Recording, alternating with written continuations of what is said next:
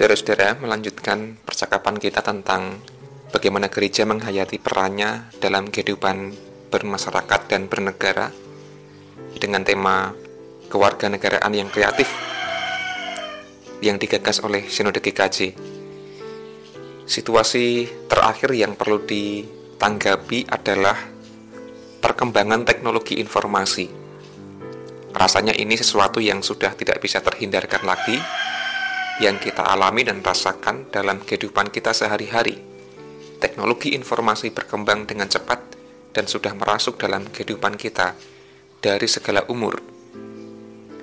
Di dalam pesan sidang Sinode GKJ yang ke-28 disebutkan bahwa perkembangan teknologi informasi itu seperti gelombang yang berjalan dengan cepat dan tak terduga. Ada beberapa poin yang dianjurkan oleh Sinode GKJ. Yang pertama, gereja perlu merespons perkembangan teknologi informasi secara positif dan memanfaatkan untuk perkembangan dan pembinaan gereja. Jadi pertama-tama perkembangan teknologi informasi itu ditanggapi, direspons dengan positif. Jangan pertama-tama ditanggapi dengan negatif dan dicurigai. Karena merespon secara positif, maka justru kemajuan teknologi informasi itu dimanfaatkan untuk pengembangan dan pembinaan gereja. Dan sekarang di dalam masa pandemi ini terasa betul bahwa peran teknologi informasi menjadi sangat vital untuk pembinaan iman warga gereja. Terkhusus dalam rangka menyajikan ibadah daring misalnya atau ibadah online namun juga ada banyak gereja yang mengadakan PA secara online menggunakan video conference, menggunakan grup-grup percakapan, dan lain sebagainya.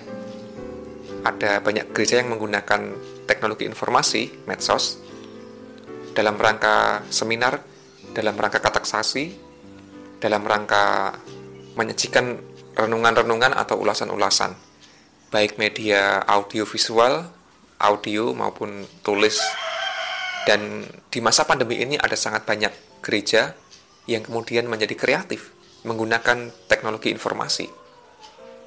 Dan dilihat secara positif, perkembangan teknologi justru memungkinkan jangkauan pelayanan gereja sudah tidak lagi terbatas pada sekat-sekat teritori wilayah, namun bisa menembus jagat maya yang bisa diakses oleh seluruh dunia. Dan itulah medan kesaksian, medan pelayanan kita sebagai gereja sebenarnya. Lihatlah bagaimana media sosial dipenuhi dengan berita-berita yang meresahkan, yang kadang-kadang menjengkelkan, yang berisi hal-hal yang negatif, berita-berita yang buruk, termasuk juga banyaknya berita palsu atau hoax. Nah, dalam situasi itulah gereja bisa mengambil peran untuk memposting konten-konten yang bersifat baik, yang positif, yang membangun, yang memotivasi, yang bernadakan kasih, kejujuran, dan keadilan. Nah, gereja dipanggil untuk bersaksi lewat media sosial untuk mewartakan Injil Kristus itu, agar di tengah dunia yang dipenuhi dengan berita-berita yang meresahkan ini, gereja berperan mengisinya dengan berita-berita yang menyejukkan. Itu pun bisa dicapai melalui media sosial maka teknologi informasi justru bisa mendukung pewartaan Injil, bagaimana gereja bisa secara kreatif menyajikan pesan-pesan kebaikan ke seluruh semesta. Yang kedua, gereja dipanggil untuk melibatkan kaum muda dan milenial untuk berpartisipasi dalam kehidupan gereja, termasuk dalam pengambilan keputusan. Jadi GKJ mendorong gereja untuk melibatkan kaum muda dan milenial Mengapa? Karena mereka lah yang lebih akrab terkait dengan konteks teknologi informasi. Tidak hanya melibatkan dalam hal-hal praktis, diminta untuk meliput, nyoteng, mengoperasikan sound, dan sebagainya itu, melainkan termasuk dalam pengambilan keputusan. Jadi anak-anak muda gereja tidak tidak sekadar diminta menjadi operator, namun mereka benar-benar dilibatkan dalam proses kreatif karena mereka adalah kreator dan dalam pengambilan kebijakan gereja di zaman sekarang ini, suara anak-anak muda milenial perlu dipertimbangkan. Mengapa? Karena mereka lah yang saat ini merasakan betul bagaimana kehidupan itu mengalami berbagai macam perubahan di zaman kemajuan teknologi informasi, maka gereja juga perlu mendengar suara anak-anak muda. Meskipun tidak berarti kemudian suara anak-anak maupun suara orang tua lalu dilupakan. Ya tentu semua suara pantas didengarkan.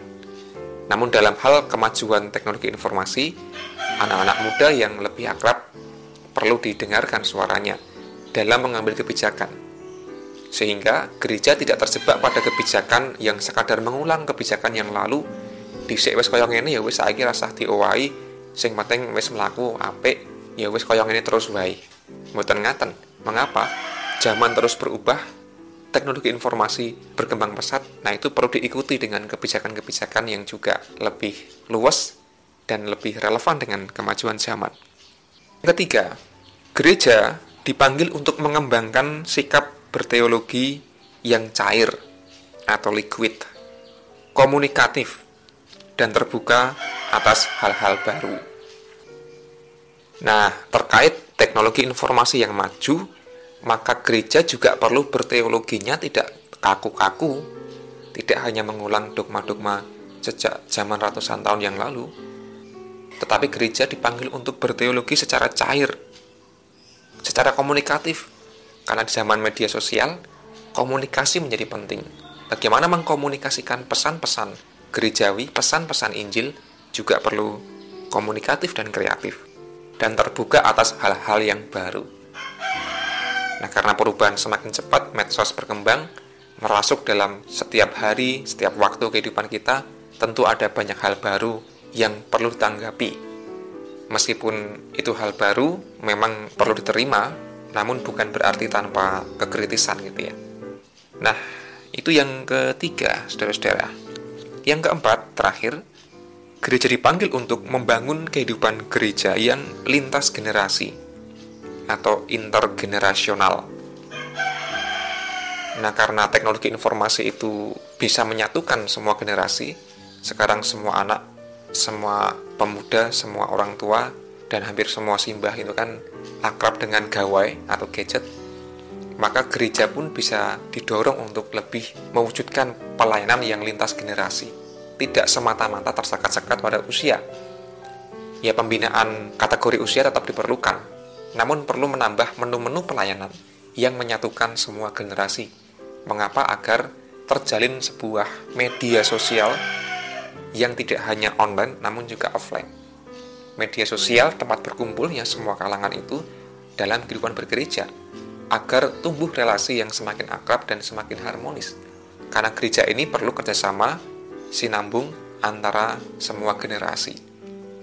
Saudara-saudara, rasanya kemajuan teknologi informasi akan semakin terus berkembang ke depan, maka gereja perlu membuka mata dan membuka telinga semakin lebar dan bagaimana bisa beradaptasi dengan situasi dan perkembangan perubahan-perubahan janganlah dilihat sebagai sesuatu yang semata-mata mengancam atau menyusahkan, namun mari melihatnya sebagai peluang untuk terus bertumbuh dan berkembang.